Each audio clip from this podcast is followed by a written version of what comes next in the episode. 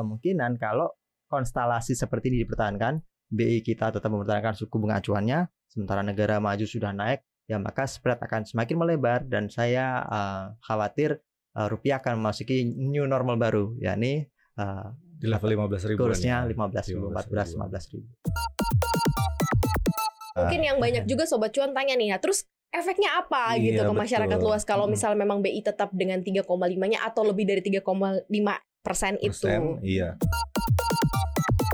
Masyarakat sendiri sebenarnya harus memanfaatkan momentum eh, suku bunga rendah ini untuk eh, apa namanya lebih banyak eh, meningkatkan konsumsi, kemudian juga berproduksi. Itu kan yang yang yang yang dilakukan eh, oleh pemerintah agar masyarakat ini bisa kembali eh, beraktivitas normal, kemudian produksi meningkat, eh, ekonominya tumbuh gitu kan. Koneksi. Konten ekonomi seksi. Hai sobat cuan, selamat datang di podcast cuap cuap cuan. Yang ramai dong. Gak pernah ada tepuk tangan gitu loh Biar semangat Biar Sobat Cuan juga selalu semangat Apa kabar Sobat Cuan? Semoga selalu dalam kondisi sehat Dan kondisi yang oke ya Semuanya ya Fisik, mental, spiritual, dompet, dan lain-lain Senang sekali hari ini kita kembali dalam koneksi konten Ekonomi. Seksi. Bareng Maria Katarina, bareng Head of Research CNBC Indonesia, Arif Gunawan, Mas Halo. Argun, dan ada CNBC Indonesia, produser di TV pastinya ada Mas Adam Isa. Halo. Kita akan bahas topik yang menarik hari ini Sobat Cuan, spesial buat Sobat Cuan. Dah, mau bahas apa? Bahas apa kita? kita bahas apa Mas Argun? Yang lagi Curang rame lo, saja. Kita bahas soal BI yang masih mempertahankan Suku bunga. suku bunga acuan di Acuan. level 3,5% tapi ternyata di global semuanya sudah mulai merangkak naik suku bunga Iya. acuannya. BI Seperti yang itu. sudah tidak ahead the curve gitu ya kan posisinya. BI yang kemudian mencari cara lain untuk menge, apa mempertahankan bukan mempertahankan yang menjaga perekonomian tanpa harus menaikkan Suku bunga. suku Suku bunga. Jadi dengan eh, cara atau policy yang lain. Nah, ini kayak gimana nih, Mas? Ya. Haruskah memang kita positioningnya mengekor eh, tren yang ada Hmm. karena kan suku bunga tinggi memang di global sedang mengarah ke situ kan. Hampir sebagian besar Ya. menaikkan suku bunga tapi Indonesia belum. Ini gimana nih posisi Indonesia? Ya, jadi sekarang ini sikapnya Bank Indonesia masih seperti ketika pandemi, menjaga pemerintah kita untuk menggulirkan perekonomian. Jadi asumsinya ketika Mhm. pandemi itu kan lagi macet semua, permintaan tertekan, maka ya yang menjadi pendorong perekonomian ketika krisis ya emang pemerintah dan itu perlu dana, ya kan, makanya mereka defisitnya diperbesar dan BI membantu itu. Tapi kalau sekarang eh, Bank Sentral menaikkan suku bunga acuan ngikutin negara-negara maju, Hmm. maka ada eh, kemungkinan momentum pertumbuhan ekonomi itu agak terganggu. Jadi mungkin pertumbuhan yang tadinya bisa di kisaran 4% misalnya, eh, kalau misalnya suku bunga acuan dinaikkan ya bisa agak melambat atau tidak sesuai dengan target. Nah, itu mungkin yang sekarang jadi orientasinya Bank Indonesia dan mereka beralasan bahwa inflasi sekarang kan masih aman terkendali ya. Ya, ya. Kita memang udah 4%, eh, itu sudah apa mencapai target akhir tahun BI 4,2 tetapi kalau relatif dibandingkan negara negara-negara lain misalnya Thailand, eh, Malaysia, Thailand kan udah 10% gitu ya. Eh, Filipina juga 10-an persen. Itu menunjukkan bahwa kita relatif masih aman kalau dari sisi inflasi. Mhm. Ya hanya saja memang kalau kebijakan itu selalu ada konsekuensinya. Nah, konsekuensinya harus diantisipasi adalah ketika suku bunga acuan di negara-negara maju lagi tinggi, ya otomatis eh, tekanan terhadap mata uang negara berkembang itu semakin besar Dan ini karena terjadi juga di Indonesia rupiah ya. itu sudah terjadi di Mhm. Indonesia saat ini. Nah, ketika suku bunga acuan kita tetap dipertahankan, maka itu menjadi disinsentif buat sistem keuangan kita. Mhm. Investor asing yang tadinya sudah berpikir akan eh, parkir atau membawa dananya ke negara maju untuk beli SBN di sana, US Treasury gitu misalnya, Mhm. dia akan semakin memantapkan niatnya gitu karena kalau di Indonesia ya spreadnya sudah semakin jauh menurunkan melebar daya tarik juga dong kita sebagai da- apa namanya negara tujuan investasi ya nggak sih? investasi portofolio. Iya portofolio. Ya kalau kalau eh, datanya BKPM masih ada pertumbuhan ya di sektor real. Tetapi kalau portofolio dan ini sangat mengaruhi sistem keuangan kita dalam jangka pendek, nah ini yang terganggu gitu karena artinya eh, mereka perusahaan-perusahaan yang memiliki kewajiban dalam dolar Amerika Mhm, Serikat, mhm. ya mereka akan semakin kesulitan untuk memenuhi kewajiban itu. Apalagi kalau pemasukannya eh, dalam rupiah gitu. Jadi kalau mereka ada utang-utang dolar, rupiahnya lagi melemah, waduh itu pusingnya minta ampun mereka pasti. Dan ini kemungkinan kalau konstelasi seperti ini dipertahankan, BI kita tetap mempertahankan suku bunga acuannya, sementara negara maju sudah naik. Besok Kamis waktu kita ya kemungkinan 75 basis point dinaikkan di Amerika suku bunganya, Mhm. ya maka spread akan semakin melebar dan saya uh, khawatir uh, rupiah akan memasuki new normal baru, yakni uh, Di level 15 ribu. kursnya 15 ribu, 14, 15 ribu. Hmm, Ya, itu yang lo lihat gimana mas?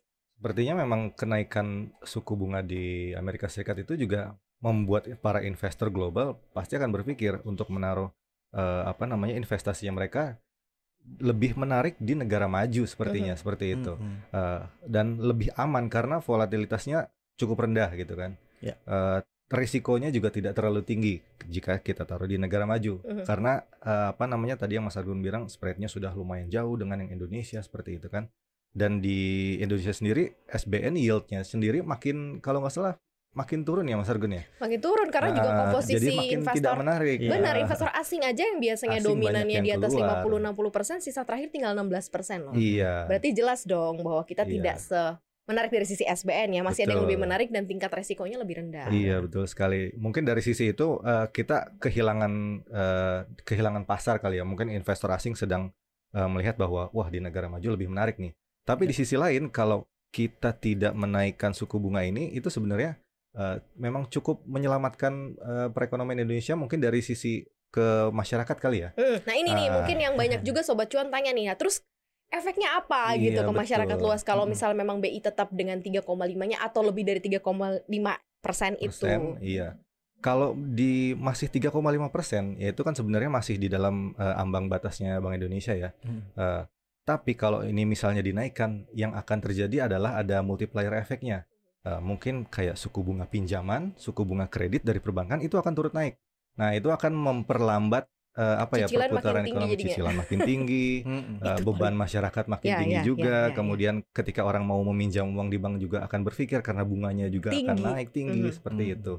Nah, dan salah satu alasan kenapa BI masih menahan suku bunga acuan di level 3,5% juga menurut mereka karena ini masih di dalam ambang batas eh, apa namanya toleransi 2 sampai 4%. Kalau nggak salah inflasi inti di bulan Juni itu masih di level 2,63%. Jadi kan Hmm, masih di antara ambang batas 2 sampai 4% itu gitu.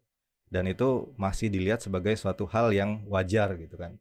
Nah, masalahnya kalau nanti dinaikkan itu semua pasti multiplier efeknya lebih banyak lagi, Mbak Maria. Nah Gitu. harusnya berarti ada hal-hal yang bisa diambil dong uh, Hmm. dari masyarakat karena kan kalau kita bicara mengenai asing, asing yang kemudian pindah parkir dananya ke negara-negara yang jauh lebih menghasilkan cuan gitu ya Hmm. negara maju. Nah opportunity-nya untuk kita nih dalam negeri atau investor dalam negeri uh, seperti apa memanfaatkan standnya BI yang masih belum uh, mau menaikkan suku bunga nih Mas Argun?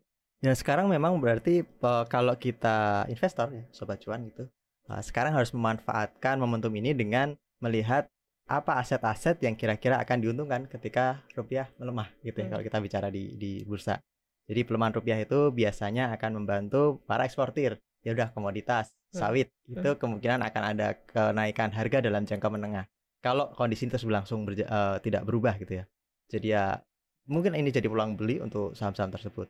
Dan di sisi lain kalau kita dalam keseharian ya eh, suku bunga acuan masih dipertahankan ya memang seperti dibilang Mas Adam eh, kita terbantu gitu. Kalau selama ini ada sobat cuan yang sudah mencicil KPR ya kemungkinan tidak akan ada kenaikan gitu ya. Hmm, hmm. Karena biasanya kan kalau KPR saya sering baca tuh di komentar-komentar di Instagram kita gitu Ya ya. ya. Kalau suku bunga naik, aduh cepat banget tuh KPR ikut naik bunganya. Tetapi kalau suku bunga turun, Susah banget.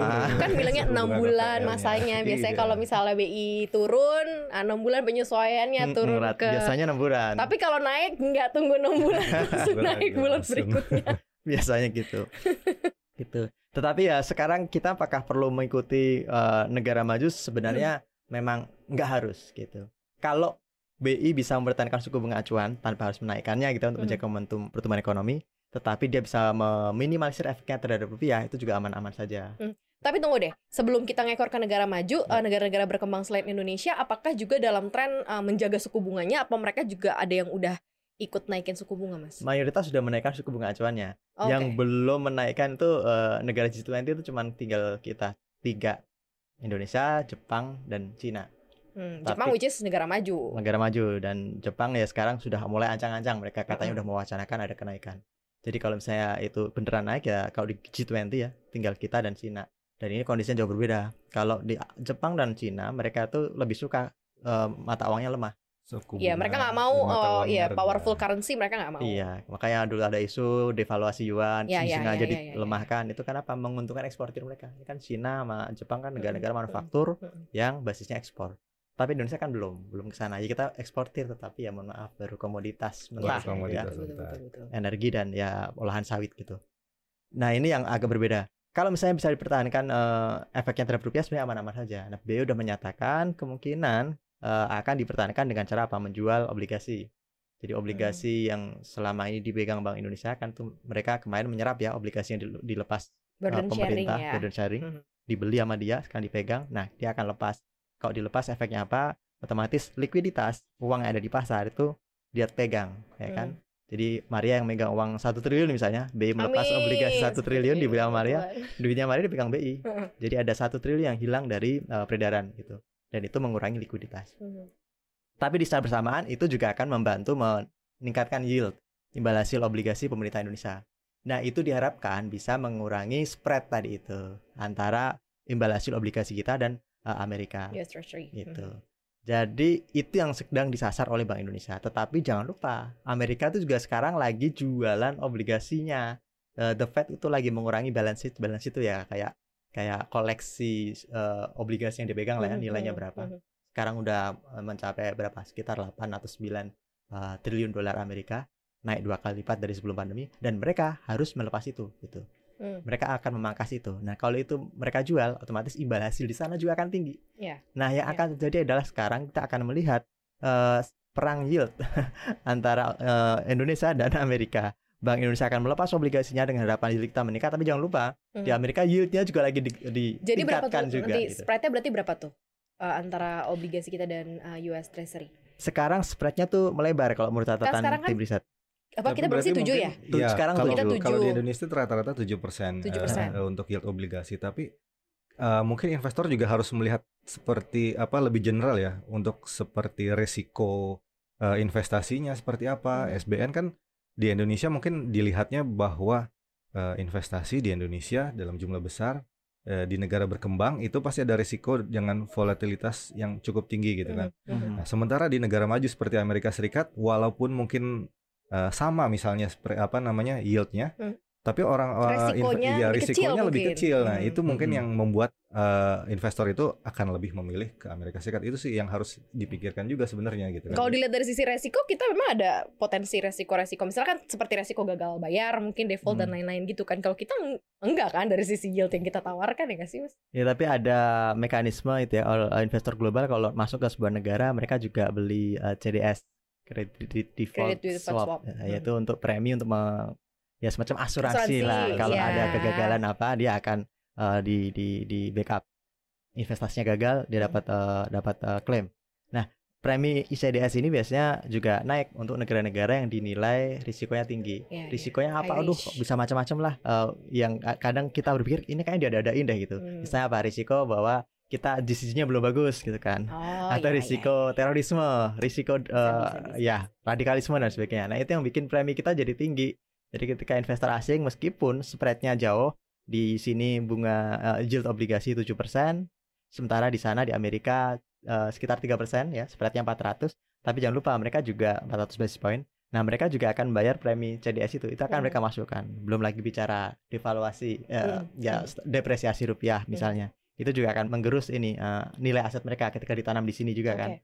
Kayak gitu. Jadi emang eh, itu yang banyak yang dipertimbangkan oleh investor asing ketika mau beli obligasi di negara berkembang termasuk di Indonesia. Nah ini eh, kalau FOMC nanti kan berarti diumuminnya kapan? Kamis ya?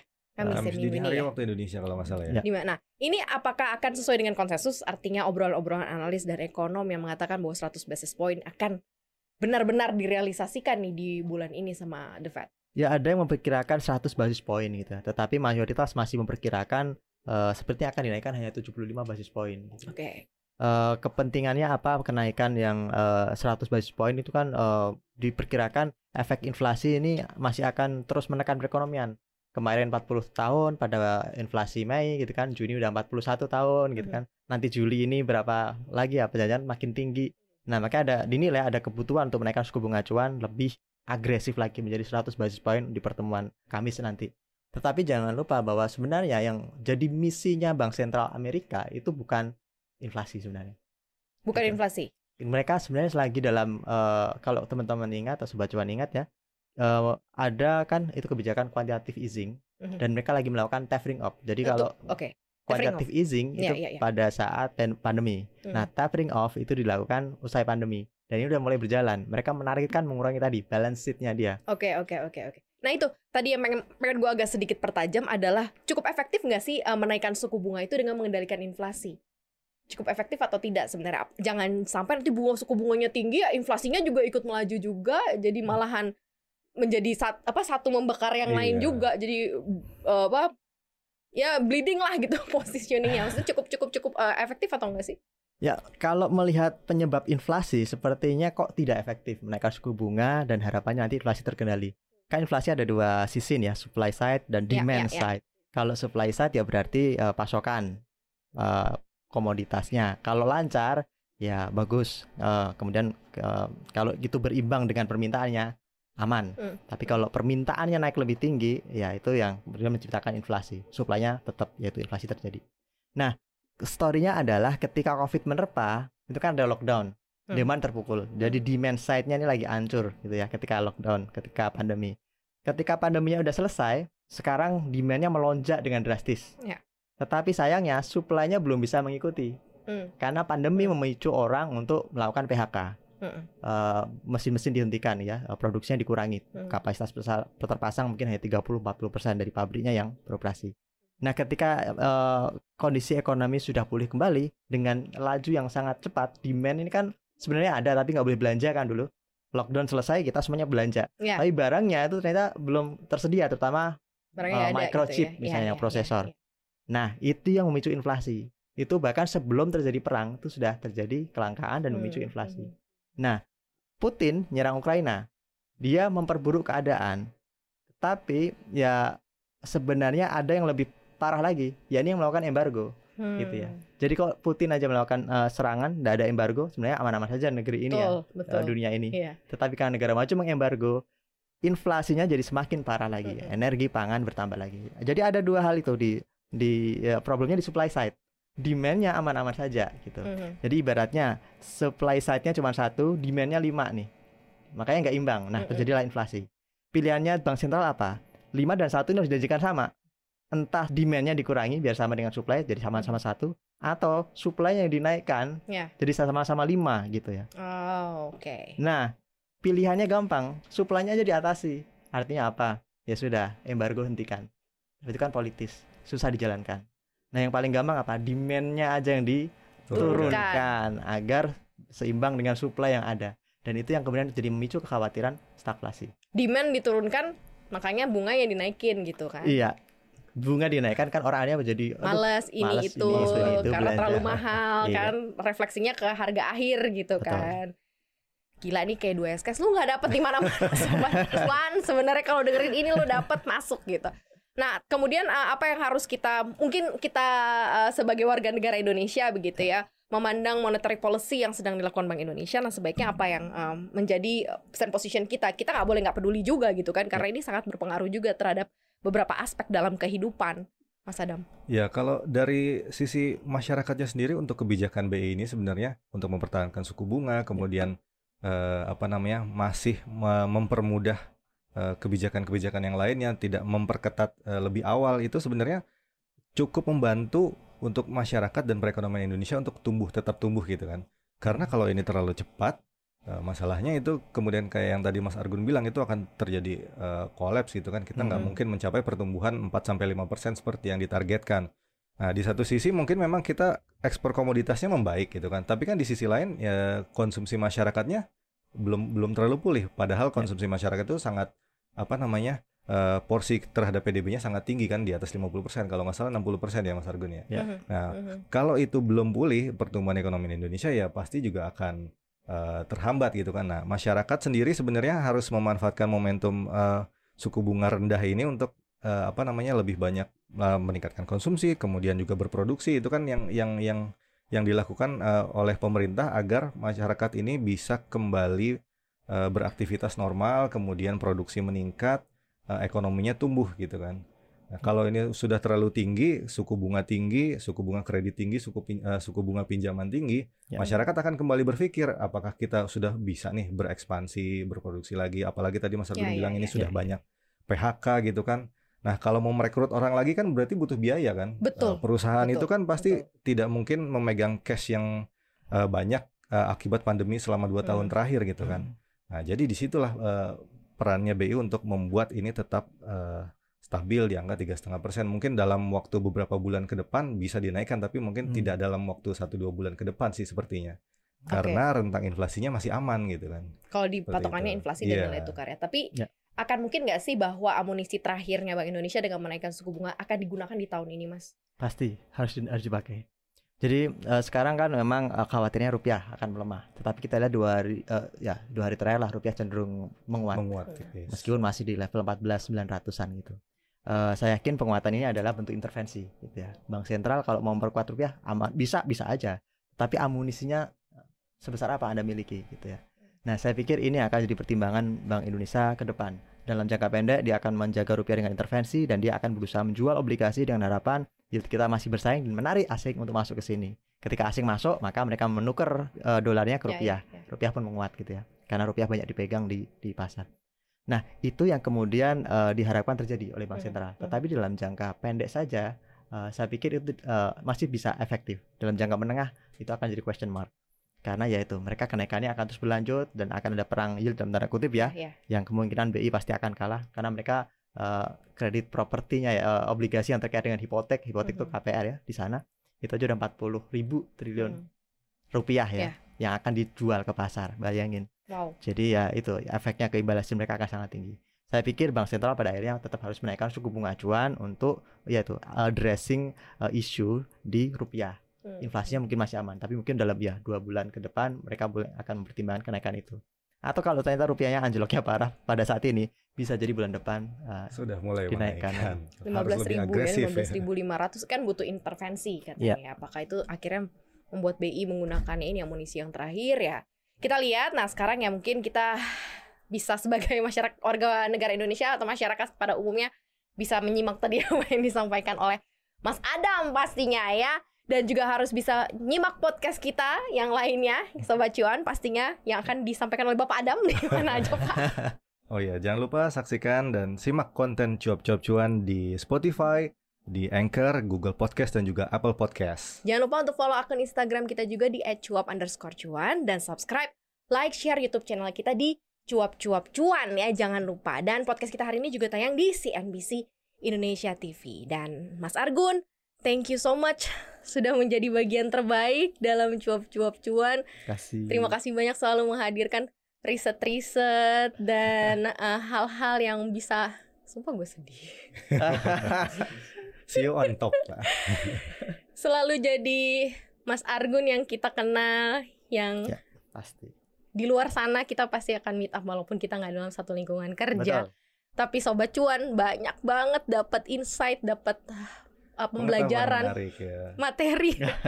Riset-riset Yang menarik. mendalam. Dan gue sebagai temen yang kenal Mas Argun, gue pengen lihat Mas Argun sukses dan uh, see you on top di tempat yang baru. Amin. Jangan lupain kita tim cuan-cuan di sini. Nah ini menjadi Sip. memori juga buat sobat cuan yang udah dengerin uh, koneksi atau podcast kita. Banyak banget kelas cuan yang udah kita selenggarakan. Ya. Menghadirkan Mas Argun sebagai Head of Research CNBC Indonesia dan Head of Research di hati kita juga karena Mas Iya, Argun tuh betul. orang yang memang bisa ditanyain kapan aja. Bisa Lo harus tahu sobat cuan bahwa ya. lo kalau mau cari uh, library perpustakaan berjalan lo tuh bisa hubungin Arif Gunawan karena entah apa pun yang kita tanya dia tuh bisa bisa menjelaskan Jawab. dengan kebetulan baik dan detail. kebetulan pernah mengetahui itu. yang pasti koneksi cuap cuan kehilangan banget sih mas riset-riset bombastis fantastis ala Arif Gunawan ya you're ya nggak ada yang bisa menggantikan deh Betul. Ya, Lo kita tidak masih bisa terganti. berdiskusi di luar, ya kan? tapi yang jelas pokoknya kalau dari gue Mas Adam sukses buat Mas Argun Thank you di mana pun Maria. berada see you on top Mantap. ketemu lagi thank you Sampai jumpa Mas Argun. Thank thank you you. sobat cuan kita bertiga Thank you sobat cuan. bye bye Ah. Ya.